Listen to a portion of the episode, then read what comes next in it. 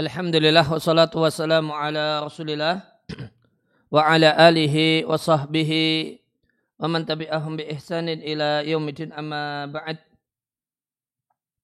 Kaum muslimin dan muslimah rahimani wa rahimakumullah kembali kita lanjutkan kajian dalam tema fikih untuk karyawan dan pegawai. Dengan membaca fatwa-fatwa para ulama di kitab Fatwa Ulama Baladil Haram. Kita sampai pada poin pertanyaan yang ke-48 dengan judul Jangan mendatangkan pekerja selain muslim atau muslimah.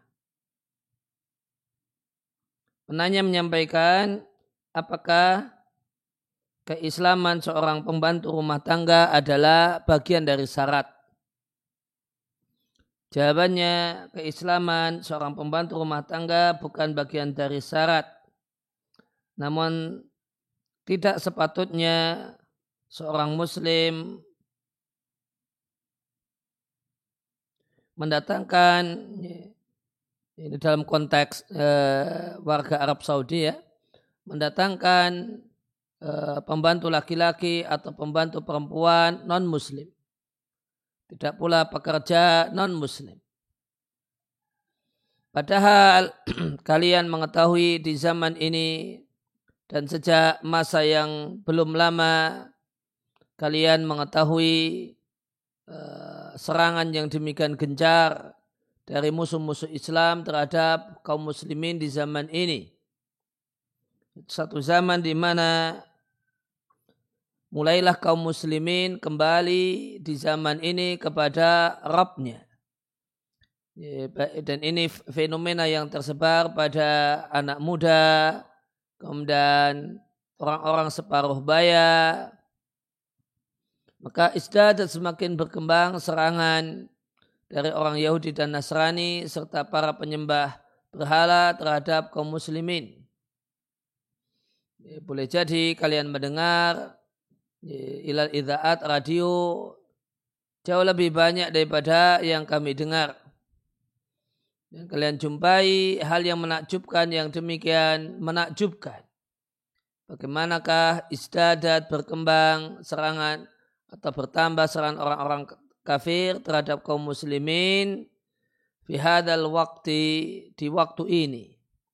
Limada kenapa ini terjadi? Jawabannya karena mereka mereka orang-orang kafir tidak menginginkan antakuma qaimatul muslimin. Kaum muslimin tidak tegak.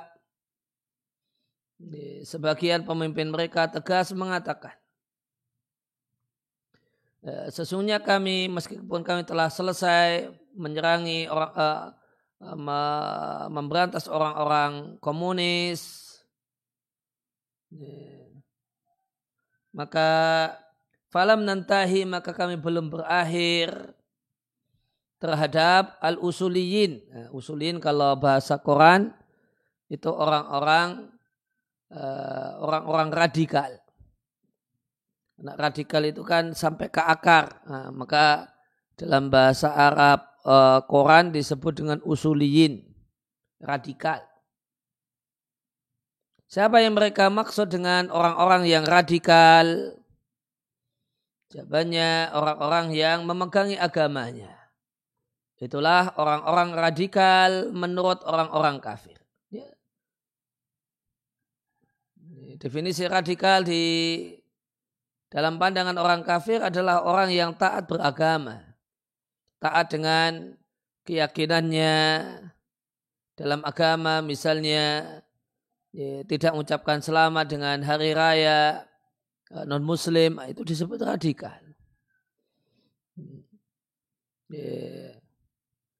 Berjilbab dengan disiplin, tidak mau lepas jilbab, apa pun kondisinya, ketika itu kondisi yang dilarang oleh agama, eh, disebut usuliyin, disebut radikal.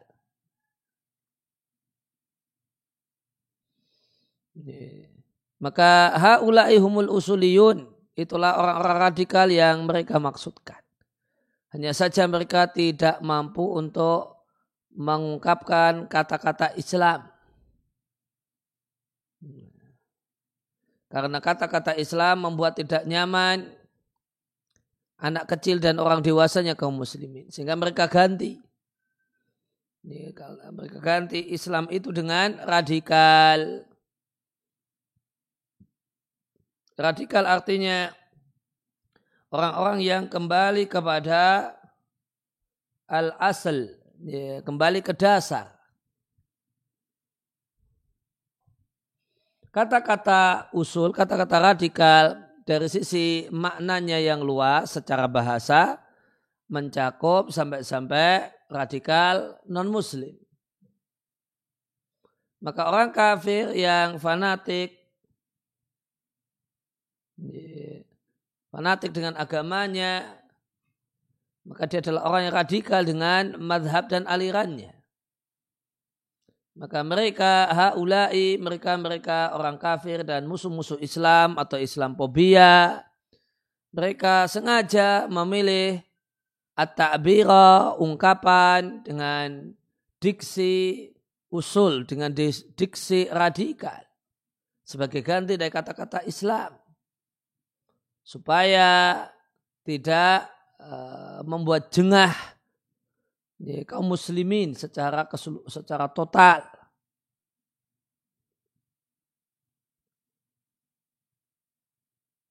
Akan tetapi dengan da, dengan bantuan dengan pertolongan Allah, sehingga kemenangan itu milik Islam.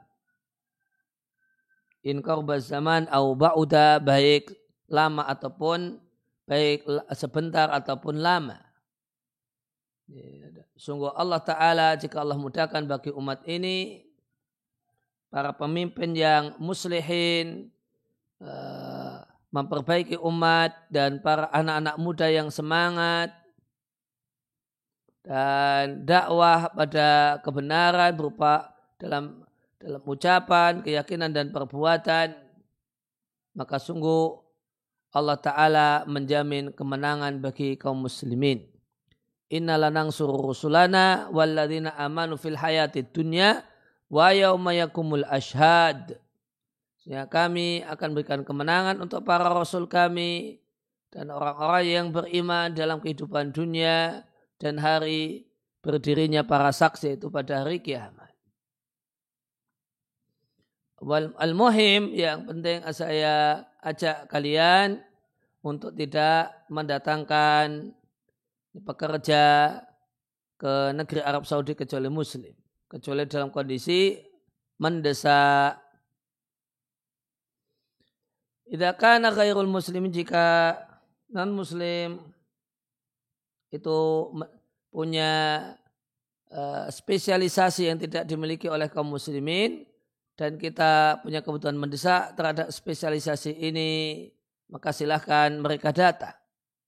Akan tetapi mereka datang biduni hajatin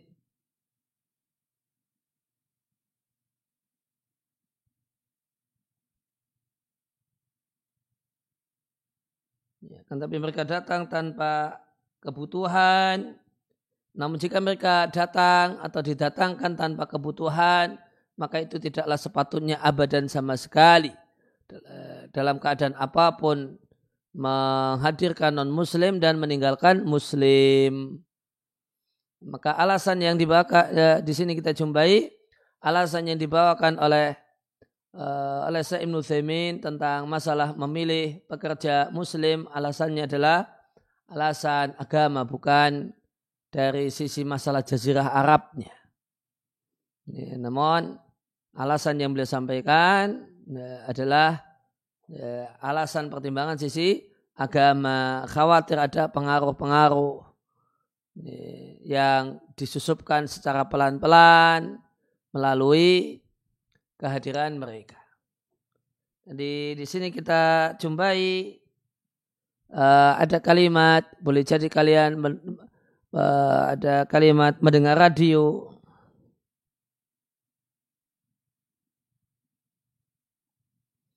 Ini lebih banyak daripada saya yang saya dengar. Ini, menunjukkan bahwasanya uh, seorang muslim mengikuti perkembangan berita lewat radio atau yang lainnya uh, satu hal yang tidak mengapa. Uh, seorang muslim ketika berupaya ingin supaya tahu perkembangan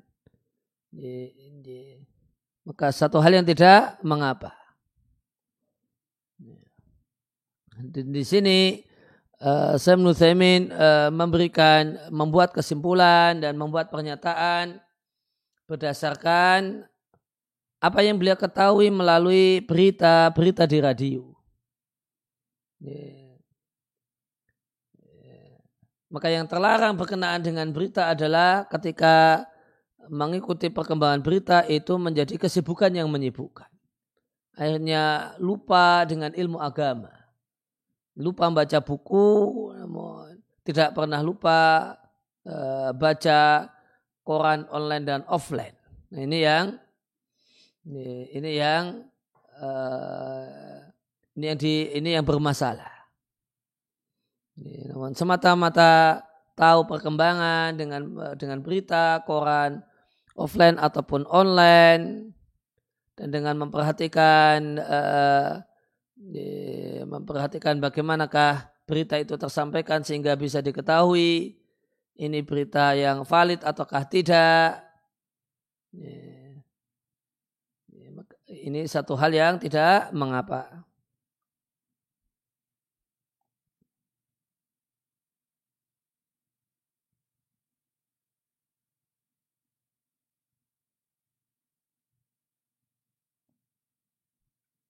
Ya, kemudian selanjutnya ini adalah cara yang tidak uh, cara yang tidak boleh. Ya, ada penanya menyampaikan saudaraku punya sejumlah pekerja muslim. Saudaraku bersepakat dengan mereka dalam satu akad. Ya, kesepakatannya akan memberikan kepada mereka para pekerja tadi gaji bulanan Kemudian saudaraku berpandangan tidak ada manfaatnya hal itu. Fa'arada maka saudaraku ingin eh, tasfirahum meminta mereka untuk ya, safar dan pulang ke negaranya. Akhirnya para pekerja itu meminta kepada saudaraku untuk bisa bertahan di Arab Saudi dan mereka akan bekerja lihisabihim dan itu eh, dengan biaya mereka sendiri. Dan mereka akan memberikan kepada saudaraku setiap bulannya 300 rial. Maka apakah harta yang didapatkan oleh saudaraku dari mereka ini halal ataukah haram? Afiduna, tolong beri kami penjelasan. Jazakumullahu khairan. Jawabannya harta atau uang yang diambil oleh saudara itu haram baginya. Karena dia tidaklah melakukan pekerjaan yang dengannya dia bisa mengambil uang, ya, mengambil dan mendapatkan uang dari mereka. Nah betul lau faradna seandainya kita andaikan. Bahasanya orang tersebut yaitu saudaramu mempertahankan mereka Lantas dia saudaramu itu yang uh, koma bikafalatihim yang mengkafil mereka, menjamin mereka dan mengurusi mereka.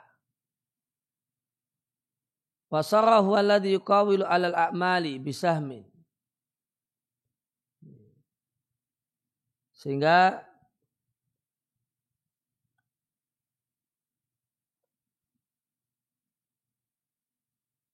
Sehingga saudaramu itulah yang yukawilu alal a'mali.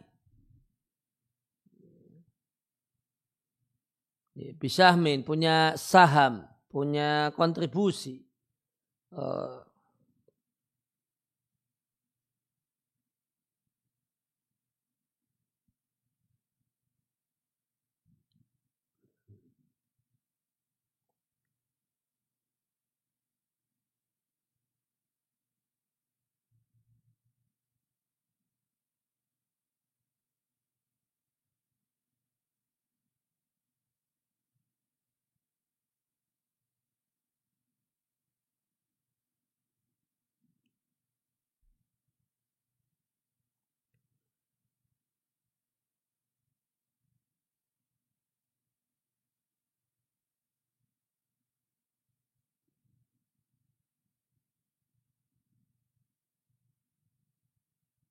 atau mungkin mengurusi ya.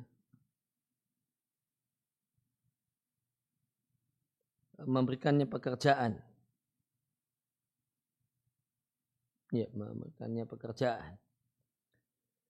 Kemudian mereka punya uh, memberinya uh, memberikan pekerjaan ya, dalam bentuk sahmin kontribusi atau dengan mendapatkan uh, saham dari hasil yang mereka dapatkan semacam setengah atau seperempat atau semacam itu.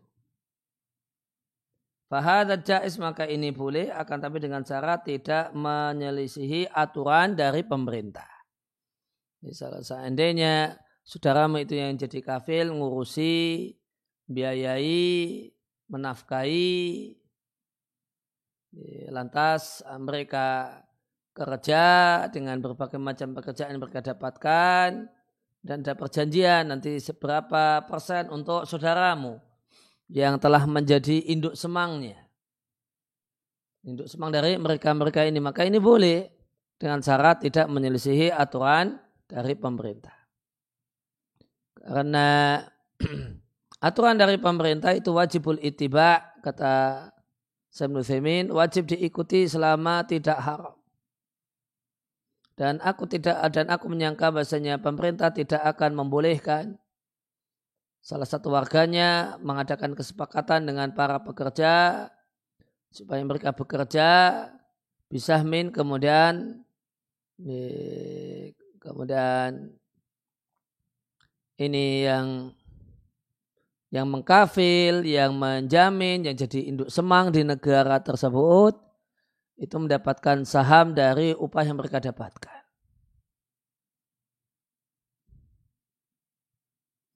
Walakin kathir minan nasi yakul, banyak orang mengatakan jika mereka itu diberi upah yang pasti nominalnya, maka mereka itu tidak yansahuna fil amal. Tidak nasihat itu menghendak, uh, menghendaki dan melakukan yang terbaik dalam kerja. Karena satu dari mereka mengatakan,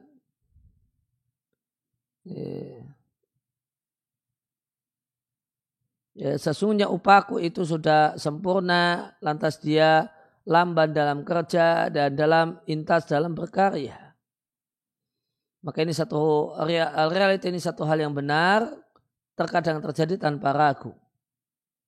Akan tetapi obat hal tersebut adalah ya, ayakulalahum katakan pada mereka kalian mendapatkan upah bulanan yang telah disepakati antara kami dengan kalian.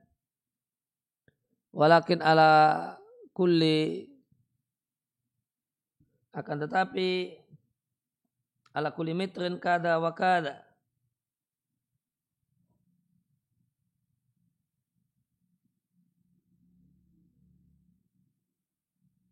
Akan tetapi setiap meter adalah demikian dan demikian. Jika mereka ini apa ini? Melisin misalnya. Walakum dan untuk kalian kula nukta setiap poin. Dakanu jika mereka adalah pekerja di bidang sabak atau di bidang tukang mesin. Untuk kalian sekian dan sekian. Fafi hadil halati maka dalam kondisi ini hilanglah hal yang dikhawatirkan yaitu seenaknya uh, berlaku seenaknya minal amil dari pekerja. Ya, watakunu al dan upah sudah sesuai dengan ketentuan dari negara. Ya, sedangkan si pekerja yaktasibu khairan mendapatkan kebaikan karena ada mukafaah tambahan.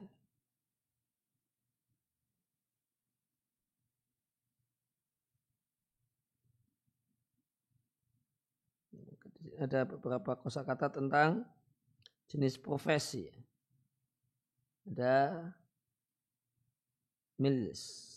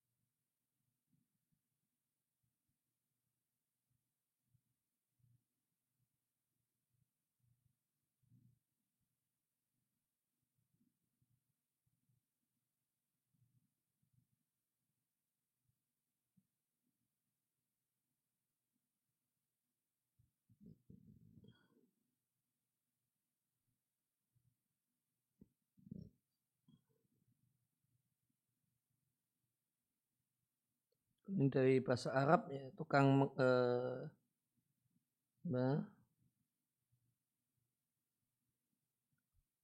yang membuat mengkilap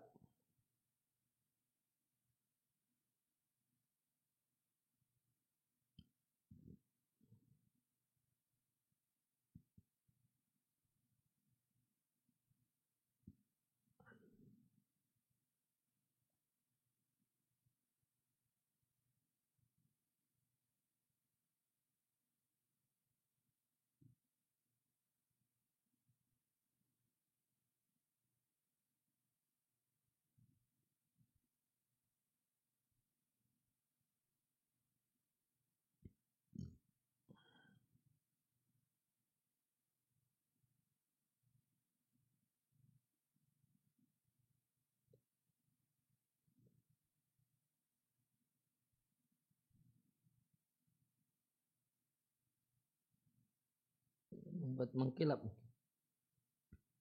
dan ada sabakin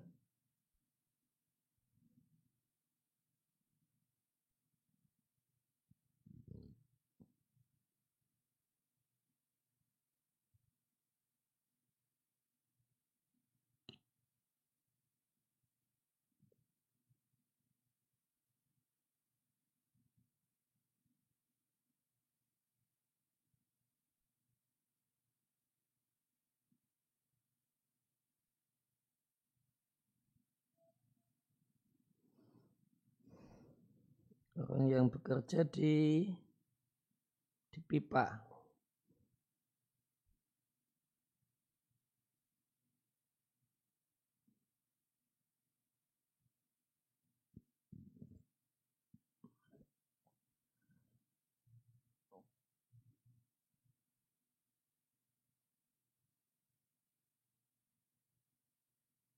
Ini tukang ledeng, sebagian.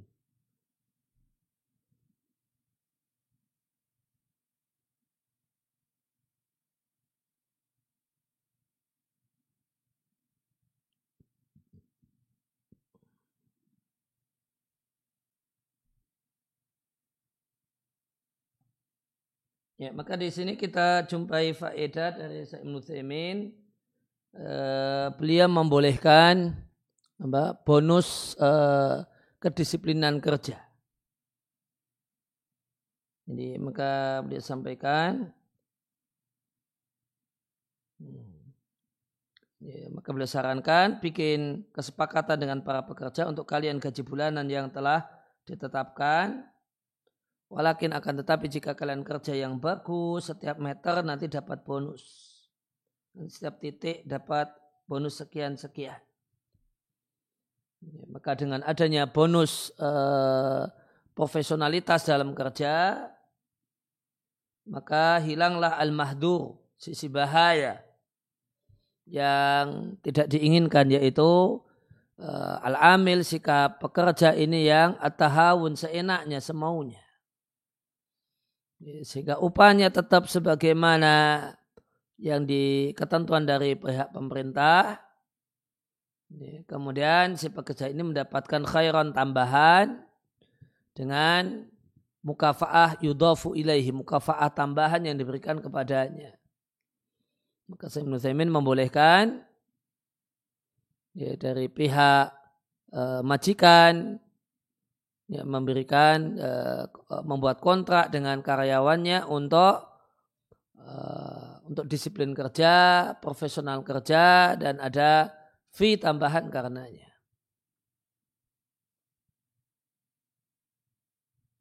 Ini kemudian berikutnya tentang masalah uh, pekerjaan sampingan bagi bagi ya, ASN gitu. Al aula yang lebih baik muadzaful al-hukumah, ya, orang yang kerja sama negara, PNS atau ASN itu tidak kerja ya, kerja tambahan atau jarah dalam bentuk bisnis.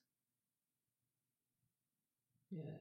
Ada pertanyaan, apa hukum mendatangkan pekerja dengan atas nama istri dan adik laki-laki? Thumma yudiru hadi al-mu'assasata wal arbaha Kemudian yang mengelola usaha adalah dan keuntungan adalah kakak dan abi zauj atau si suami. Ilman perlu diketahui bahasanya si suami adalah seorang PNS. Hal ya juzulahu fi'lu apakah boleh baginya melakukan hal itu dan apa hukum harta dan keuntungan yang dia dapatkan. Jawabannya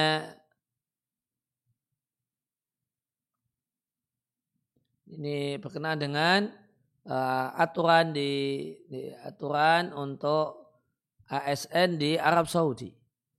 Uh, ketika jawaban ini disampaikan oleh Ibnu Jibrin, al-hukuma pihak pemerintah melarang para pekerjanya untuk muzawalah melakukan kegiatan bisnis atau uh, pekerjaan bebas, kerja bebas. Kenapa dilarang? Karena khawatir ini akan menyibukkan si pekerja, si PNS ini dari pekerjaannya, pekerjaan pokoknya sebagai PNS. Atau telat an amalihi dari kerjanya, telat ngantornya karena masih punya urusan ini dan itu. Atau malah kemudian memanfaatkan uh, telepon kantor atau uh, yusriluhu al-muraji'una an wadhifatihi uh, maka al-muraji'una orang-orang yang berkepentingan dengannya itu menyibukkannya dari pekerjaannya dan semacam itu.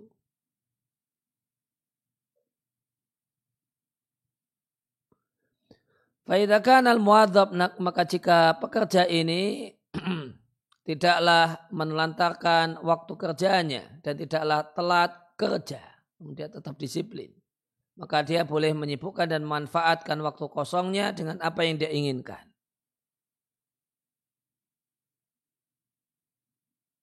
Ya, fa'amalu karena dia uh, bekerja fil kasbi untuk mendapatkan pendapatan dan mengembangkan harta lebih baik daripada dia duduk tekun menyimak duduk tekun mendengarkan nyanyian dan menonton uh, film porno atau film yang al-khali'ah, buka-bukaan. Dengan alasan menyibukkan atau mengisi waktu kosong.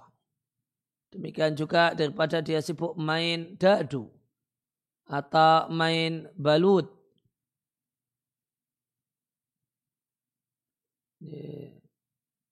Oh, balut atau kemudian walahwihi dan dia main-main wasahri dan begadangan dengan alasan menyibukkan waktu kosong. Ala kulihal, ya, eh, kesimpulannya, nar kami berpandangan yang terbaik dia tidaklah menyibukkan dirinya ya, dalam perusahaan tersebut yang itu dengan nama saudaranya atau dengan nama istrinya. Tidaklah dia biarkan kesibukan mengurusi usaha diserahkan pada keduanya. Ya, dalam keadaan al-umal pekerja yang didatangkan itu pun dengan nama salah satu dari mereka berdua sehingga si PNS ini tidaklah yaqa tidaklah terjumus fi mahdurin dalam hal yang terlarang.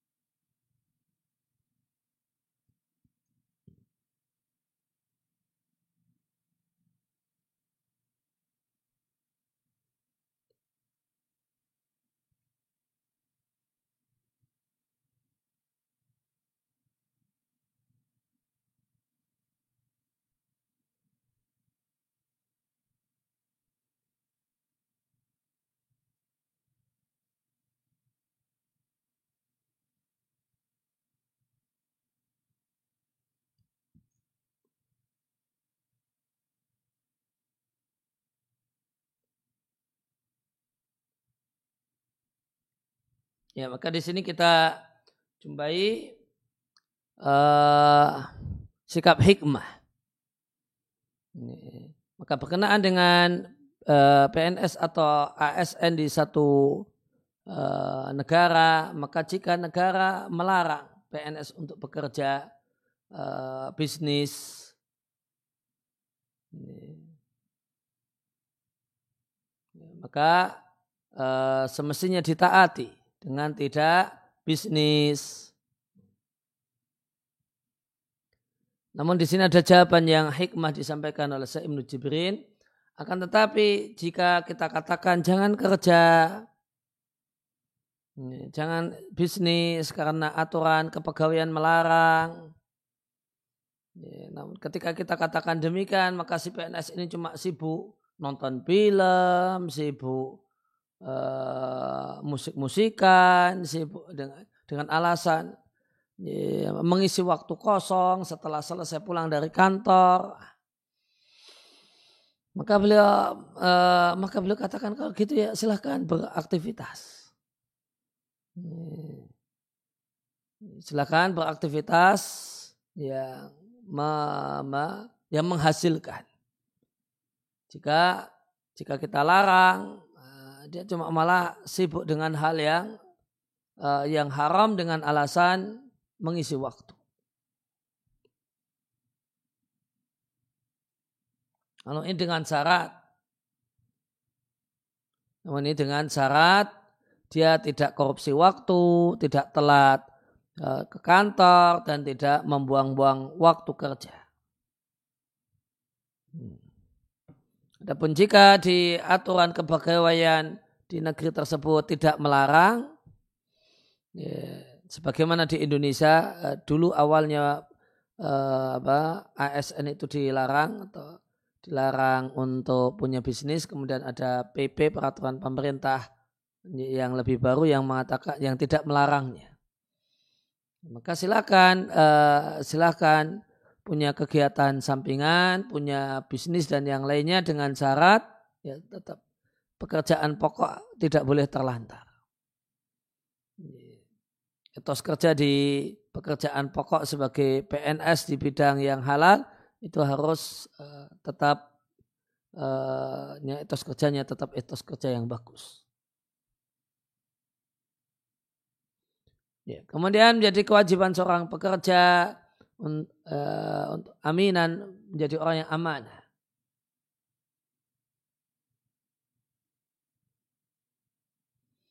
Apa hukum seorang pekerja yang dia bertugas untuk uh, ya bi berjualan di toko milik kafilnya?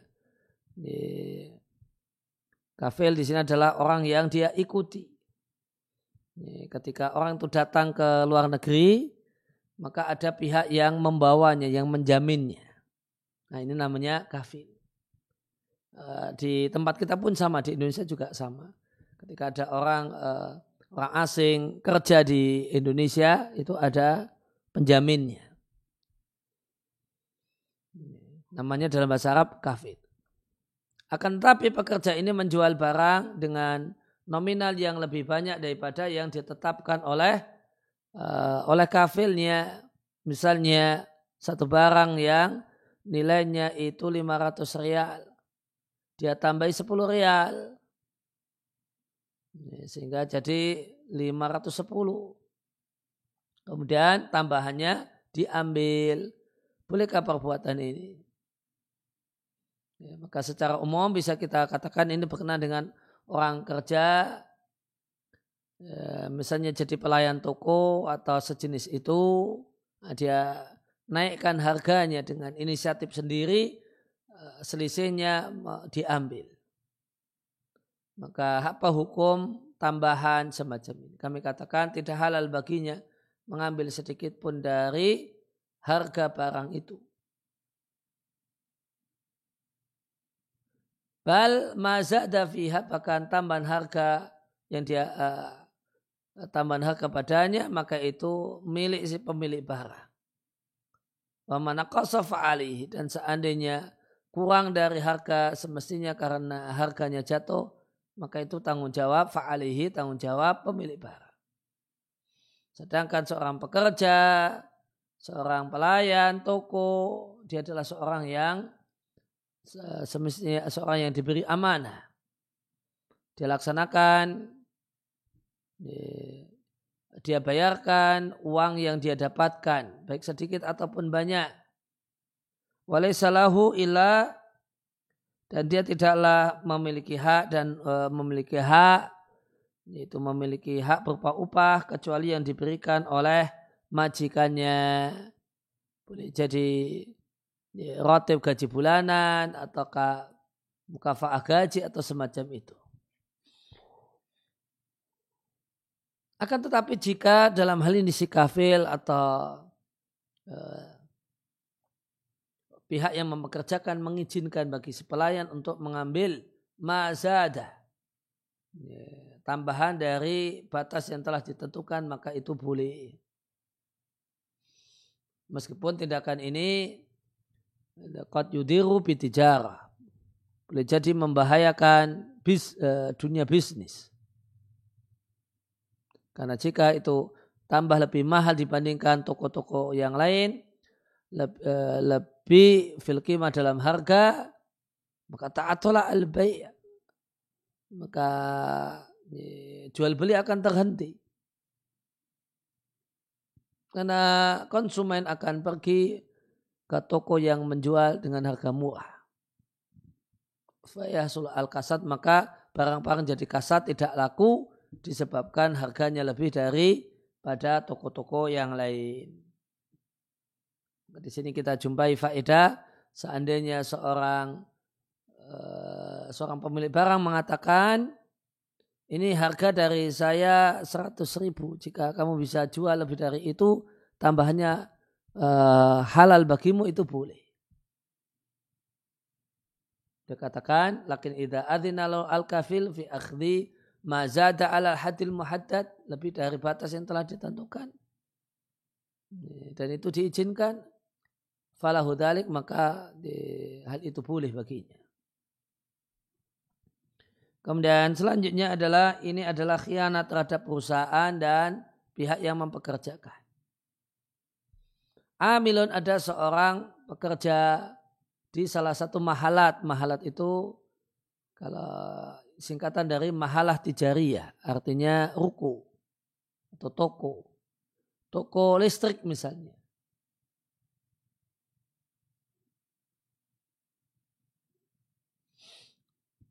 Nah, si pekerja ini pelayan toko ini uh, yak tubuh menulis di faturah. Di nota. Biziyadatil mabelar dengan tambahan yang lebih nominal yang lebih besar. Kemudian dia, si pelayan ini sudah punya kesepakatan dengan pembeli untuk si pelayan setengah dari tambahan itu. Apa hukum uh, perbuatan semacam ini?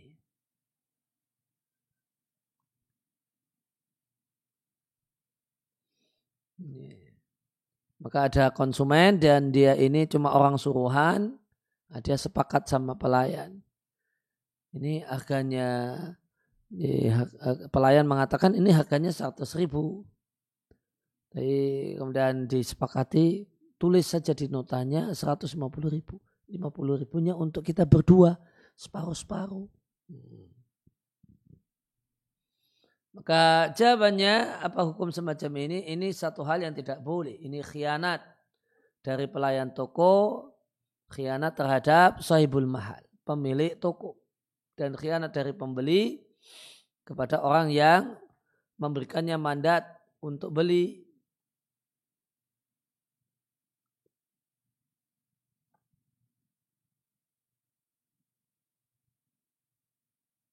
Ya, wa minal mustari liman wakalahu bisyarikati. Ya, dan khianat dari pihak pembeli konsumen kepada orang yang menyerahkan e, memberikan mandat kepadanya bisyarikah dengan kerjasama e, dalam kerjasama bisnis misalnya maka kewajiban masing-masing dari keduanya menginformasikan al hakikota kondisi real yang terjadi Sehingga falba'i pelayan yang menjual menyerahkan harga seluruhnya kepada pemilik toko. Lantas jika pemilik toko mengizinkan hal tersebut, ya silakan baginya mengambilnya. Wa jika tidak maka dia hanya mencukupkan diri dengan gajinya. Demikian juga pembeli. yang boleh jadi pembeli atau konsumen ini adalah ya, wakilan orang yang mendapatkan mandat dari orang lain.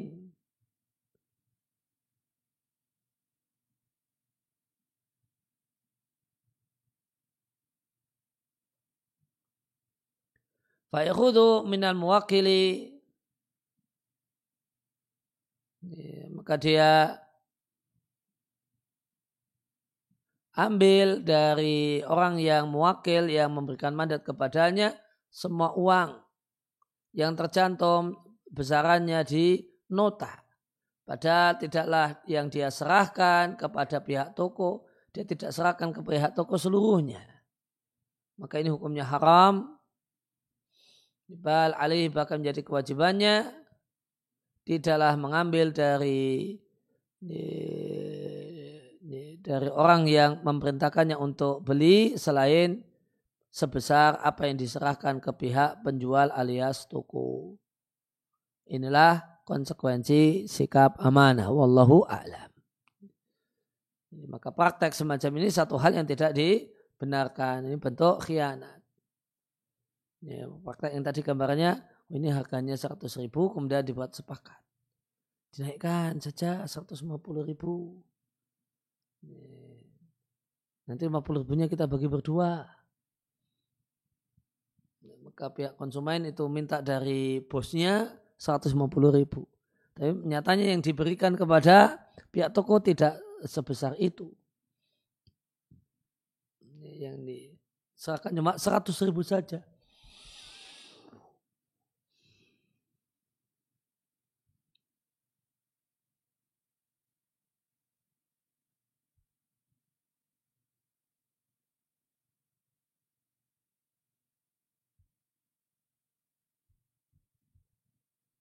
Tadi ada kata-kata wa minal mustari dan ini khianat dari pihak konsumen kepada orang yang memberikan mandat kepadanya. Bisyarikah, syarikah mungkin artinya perusahaan.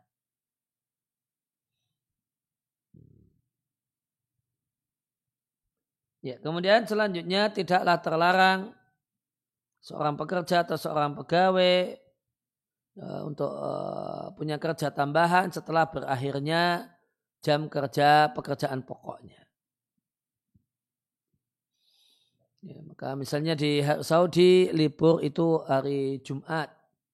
Apakah boleh bagi seorang pekerja untuk uh, bekerja di hari Jumat misalnya atau di malam hari setelah selesai dari uh, kerjanya bersama kafilnya, bersama majikannya? Apakah akad mengharuskan si pekerja ini untuk tidak boleh kerja Ya, maka berkenaan dengan kerjaan sampingan tidak terlarang. Min amali inda farahihi ya, untuk tetap bekerja ketika waktu kosong di malam hari atau di akhir setiap siang atau pada hari Jumat dengan syarat itu tidak menyusahkan diri, irhakan, memberatkan uh, fisik, ya, ya sehingga tidak uh, sehingga nanti punya dampak pada pekerjaan pokoknya. Yuk jizuhu menyebabkan dia tidak mampu bekerja sebagaimana mestinya di tempat majikannya. Atau menyebabkan dia uh, bosan, jenuh, sehingga ini menyebabkan berkurangnya uh, produktivitasnya. Jika tidak lam yakun kadalik, jika tidak demikian keadaannya, boleh baginya untuk bekerja dan mencari penghasilan dan untuknya penghasilannya. Dan tidak boleh bagi kafir atau majikan untuk melarang hal itu. Sebagaimana la yumna'u al-madhab al-hukumi seorang PNS atau ASN tidaklah dilarang nal amal untuk bekerja di rumahnya fi manzili ketika di rumahnya ya, melakukan aktivitas di rumah berupa bangun-bangun atau mengairi atau bercocok tanam di kebun atau islah atau memperbaiki atau kesibukan tangan yaitu keterampilan tangan atau beli kebutuhan atau membawa kebutuhan. Atau menurunkan mem, hamal memikul atau tanzil menurunkan dan seorang PNS ini memiliki mayunti juhu min dalika. Apa yang dihasilkan dari hal itu. Karena itu adalah yang dia dapatkan Allah dihasal alih yang dia dapatkan dari jeripayah uh, tangannya sendiri. Wallahu a'lam. Jadi intinya ya bolehkah punya pekerjaan sampingan? Jawabannya boleh. Syarat yang penting adalah non tanpa mendolimi pekerjaan pokok. Sehingga tidak terlalu menguras tenaga, tidak terlalu kecapean kalau kemudian merusak tenaga dan kecapean akhirnya kerjaan pokok itu tidak dikerjakan dengan baik, ah tidak boleh. Tapi kalau ini selama di luar jam kerja, misalnya di hari libur tadi contohnya hari Jumat atau sore hari setelah pulang eh, kantor, ya, kemudian melakukan aktivitas kerjaan sampingan, nah ini boleh.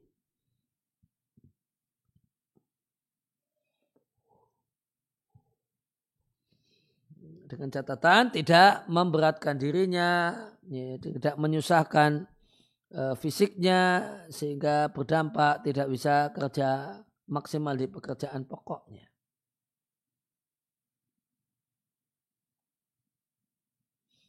Ini di antara hal yang menunjukkan kali ini boleh ya sebagaimana seorang PNS setelah selesai jam kerja pulang ke rumah di rumah melakukan aktivitas apa Eh, ini dan itu ini satu hal yang boleh.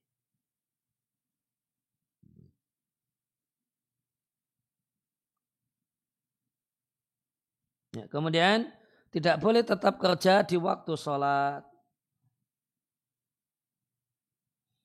Ya, Al-ba'du minal umal sebagian pekerja tidak menghentikan kerja di tengah-tengah waktu sholat semacam waktu sholat duhur misalnya atau asar. Apa yang nasihat yang bisa engkau berikan kepada mereka, mereka para pekerja dan yang semisal dengan mereka, dan apa hukum uang yang mereka dapatkan karena pekerjaan yang dilakukan di tengah-tengah sholat tadi. Di tengah-tengah waktu yang semestinya adalah waktu sholat. Maka tidak boleh uh, tetap bekerja di waktu sholat, baik pekerja itu muslim ataupun nasrani, Buddha, Hindu atau yang lainnya.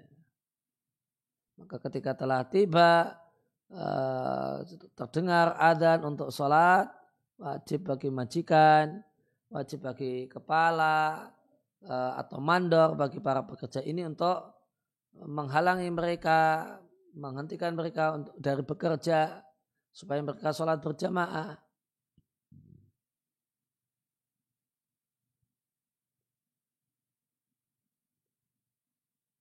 Atau ya rujuk al musallun minal masjidi ingkana al-mal ghairu muslimin.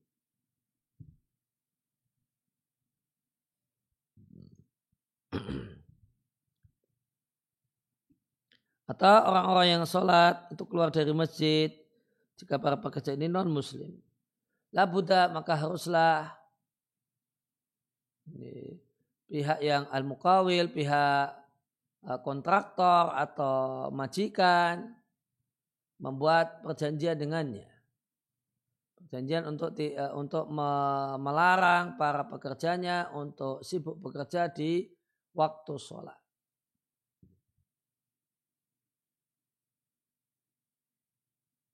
Dan di Arab Saudi ada namanya Hay'ah Amar Ma'ruf Nahi Mungkar, polisi syariat dan Hay'ah Amar Ma'ruf Nahi Mungkar memiliki solahiyah, memiliki kapasitas untuk melarang mereka bekerja di waktu sholat atau memberikan hukuman kepada siapa yang melanggar hal tersebut dengan hukuman yang membajera dan membajera bagi yang lain. Dan kewajiban orang yang melihat mereka tetap bekerja untuk melarang atau menyampaikannya kepada kepalanya. Karena ini satu hal karena ini pekerjaan yang tidak boleh. Atau menginformasikan ke kantor terdekat dari Hayah Amar Ma'ruf Nahi Mungkar supaya pihak polisi syariah ini bisa liyakhudu ala aidihim. Mencegahnya menghentikannya. Sedangkan uang yang didapatkan dari bekerja di tengah-tengah waktu sholat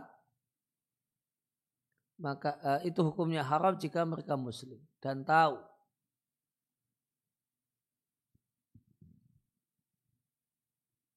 Jika mereka adalah muslimin alimin dalam keadaan tahu ini hukumnya haram jika hal tersebut menyebabkan mereka meninggalkan sholat dalam demi pekerjaannya. Sampai waktu sholat berakhir sebagaimana yang Allah larang dalilnya Allah larang jual beli setelah adzan Jumat. Setelah adzan Jumat terdengar dan para ulama mengkiaskan dengannya jika waktu sholat sudah mepet wallahu a'lam. Ya, apakah bekerja di waktu sholat itu menyebabkan gajinya haram jawabannya iya. Manakala dengan pekerjaan tersebut eh, dengan pekerjaan tersebut dia sampai tidak sholat. Dari waktunya maka penghasilannya menjadi haram. Dikiaskan dianalogkan dengan haramnya transaksi jual beli setelah adzan Jumat tiba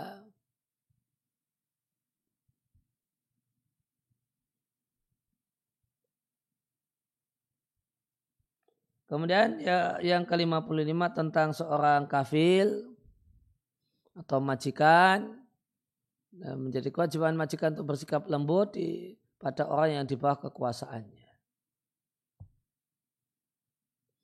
Maka ada seorang pekerja yang diminta oleh majikannya untuk kerja siang hari di bulan Ramadan. Akan tapi kerja ini capek untuk bekerja.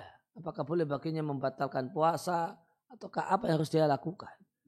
Dan apa nasihat yang Anda berikan kepada uh, para pemilik perusahaan ketika tibanya dengan dengan kedatangan bulan Ramadan. Jawabannya Nabi Shallallahu Alaihi Wasallam bersabda tentang budak ini budak ya, yang lain dengan karyawan. Janganlah bebani mereka Ya, pekerjaan yang mengalahkan mereka, artinya mereka tidak mampu atau malah yutikun mereka tidak mampu. Jika kalian bebani mereka dengan beban yang berat, bantu mereka. Demikian untuk budak, apalagi untuk uh, pekerja.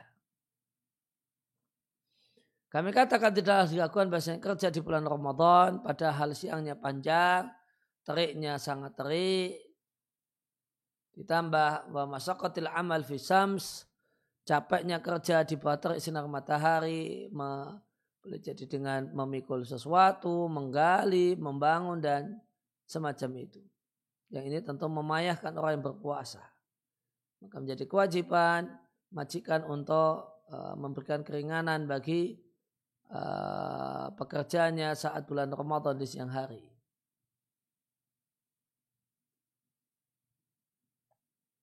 Walahu maka yang kerja siang dibikin ringan dan boleh baginya untuk mengambil sisa waktu dari para pekerjanya di malam hari. Maka mereka bekerja di awal pagi, eh, di waktu dingin, di waktu semangat kerja, kemudian mereka istirahat ke saat capek, saat capek. Hendaknya seorang majikan itu bersikap lembut dengan para uh, para pekerjanya betul-betul mutlakkan secara mutlak. Dan jadi kewajibannya untuk membantu para pekerjanya untuk bisa ibadah terutama di bulan Ramadan dan memberikan kesempatan bagi para pekerjanya untuk melakukan ketaatan dan memperbanyak ketaatan, memperbanyak ibadah. Jika mereka memang minat untuk hal itu. Dan jika memang mereka minat untuk ibadah dan sibuknya mereka ibadah di bulan Ramadan bukanlah tujuannya kabur dari kerja. Dan menjadi kewajiban para pekerja untuk bersabar, watahamul dan bersabar menghadapi kesusahan jika majikannya membebani, membebaninya untuk kerja di siang hari. Tidak boleh bagi mereka batal puasa karena kerja wajib sabar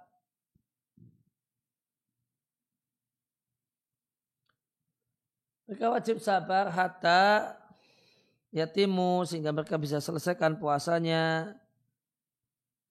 Dan itulah yang lebih besar pahalanya bagi mereka. Wallahu a'lam.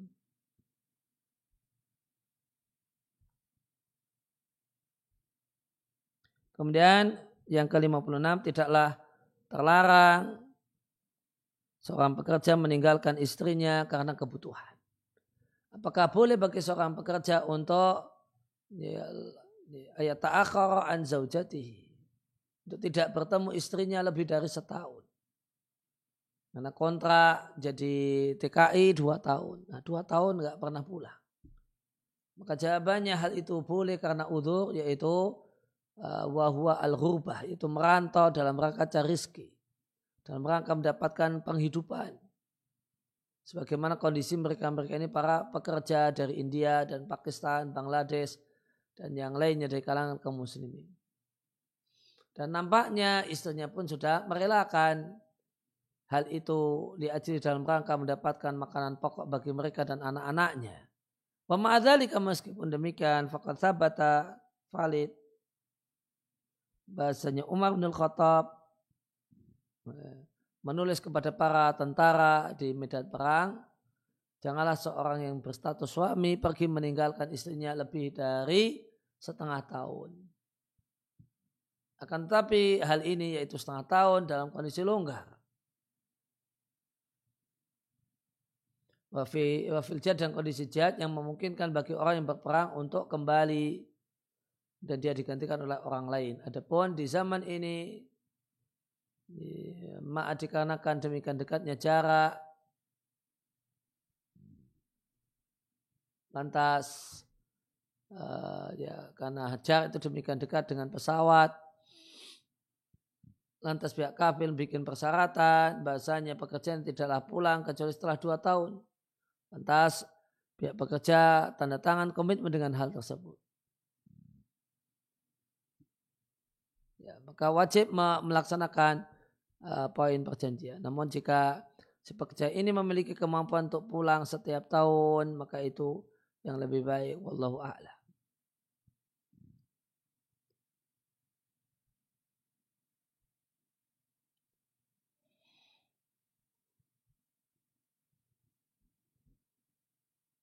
Ya demikian yang bisa disampaikan dalam kesempatan kali ini sallallahu ala nabiyina Muhammadin wa ala alihi wa sahbihi wasallam wa arda'wana alhamdulillahi rabbil alamin. Ada pertanyaan?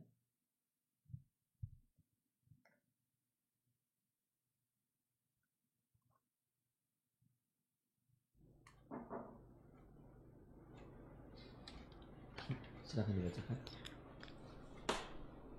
Bismillah, Assalamualaikum Waalaikumsalam warahmatullahi Assalamualaikum Ustaz. Waalaikum Afan Ustaz izin bertanya Apabila salah seorang ASN bekerja proyek saat jam kantor dan beliau setelah itu mentraktir teman-temannya dari hasil proyeknya Apakah hukum memakan traktiran tersebut? Sedangkan kita sebelumnya kita ketahui bahwa traktiran itu dari hasil proyek. Apakah kita wajib mengganti dan mengeluarkan dengan uang dari makanan yang ditraktir tersebut? Uh, ada seorang SN punya punya proyek mungkin proyek pribadi ya bisnis pribadi namun di jam kantor. Ini satu hal yang hukumnya haram. Dan uang yang didapatkan oleh si ASN ini adalah uang yang haram. Karena perlu diketahui bahasanya seorang pekerja bekerja sama negara ataupun pada pihak swasta ketika sistem kerjanya itu pakai jam kantor maka di jam kantor itu jam kantor hanya boleh digunakan untuk kepentingan ya, pekerjaan. Karena hakikatnya pegawai atau pekerja ini telah menjual waktunya kepada pihak yang mempekerjakannya. Sehingga jika di jam kantor dan punya proyek Eh, pribadi ini hukumnya haram. Setelah dapat proyek pribadi eh, maka uangnya uang yang haram. Orang yang ditraktir dan tahu kalau ini dari uh, proyek semacam ini semestinya menghindarinya. Karena itu ya, adalah uang yang haram yang dia ketahui.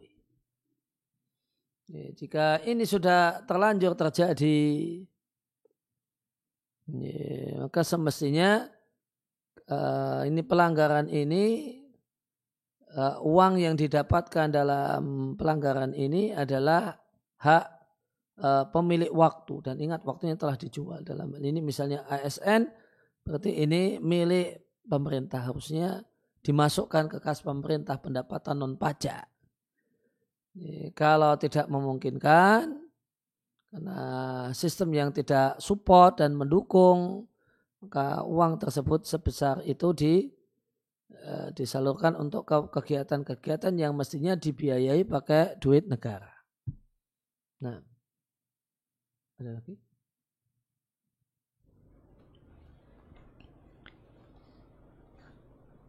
Bagaimana hukumnya bila ada seseorang yang pesan kue lalu dia meminta nota kosong supaya diisi sendiri? Apakah uang yang saya dapatkan ini haram, Ustaz? Eh, jualan kuenya hukumnya halal, namun perbuatannya haram. Karena ini mendukung orang yang mau korupsi, membantu orang yang korupsi. Ini, ini, ini ta'awun alal ismi wal udwan. Dia akan bikin laporan yang uh, uh, yang tidak real. Harga kue 100 ribu nanti akan dia tulis 150 ribu. Kemudian 50 ribunya akan dia kantongi. Maka memberikan fasilitas orang untuk melakukan hal ini ya hukumnya haram. Nah.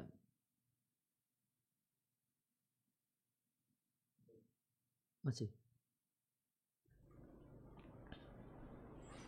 Ustadz, bagaimana hukumnya ketika saya mengasih uang terima kasih kepada seseorang yang membantu saya mutasi? Beliau kebetulan seorang PNS, tetapi bukan pejabat yang berwenang. Tugas beliau hanya mencarikan tempat mengantarkan berkas saya karena saya tidak bisa mengantar sendiri karena lokasinya jauh. Ya kalau itu dilakukan di luar uh, aktivitas tadi dilakukan di luar jam kantor, jadi dia seorang PNS membantu PNS yang lainnya. Supaya bisa mutasi dengan uh, ngantarkan berkas. Dan itu bukan pekerjaannya. Ya, maka ketika ini dilakukan di luar jam kantor tidak ah, mengapa. Mungkin ada jam istirahat tapi kalau sebatas yang saya tahu kalau uh, itu kerjanya lima, lima hari kerja itu tidak ada jam istirahat ya, maka ini boleh dilakukan dari sisi bolehnya. Tapi kalau ini di jam kantor kemudian keluar dari uh, tugasnya semestinya ini tidak boleh.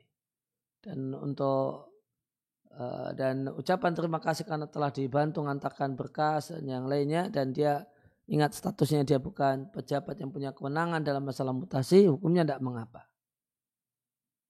Ya, demikian subhanakallahumma bihamdika asyhadu an la ilaha illa anta astaghfiruka wa atubu ilaik.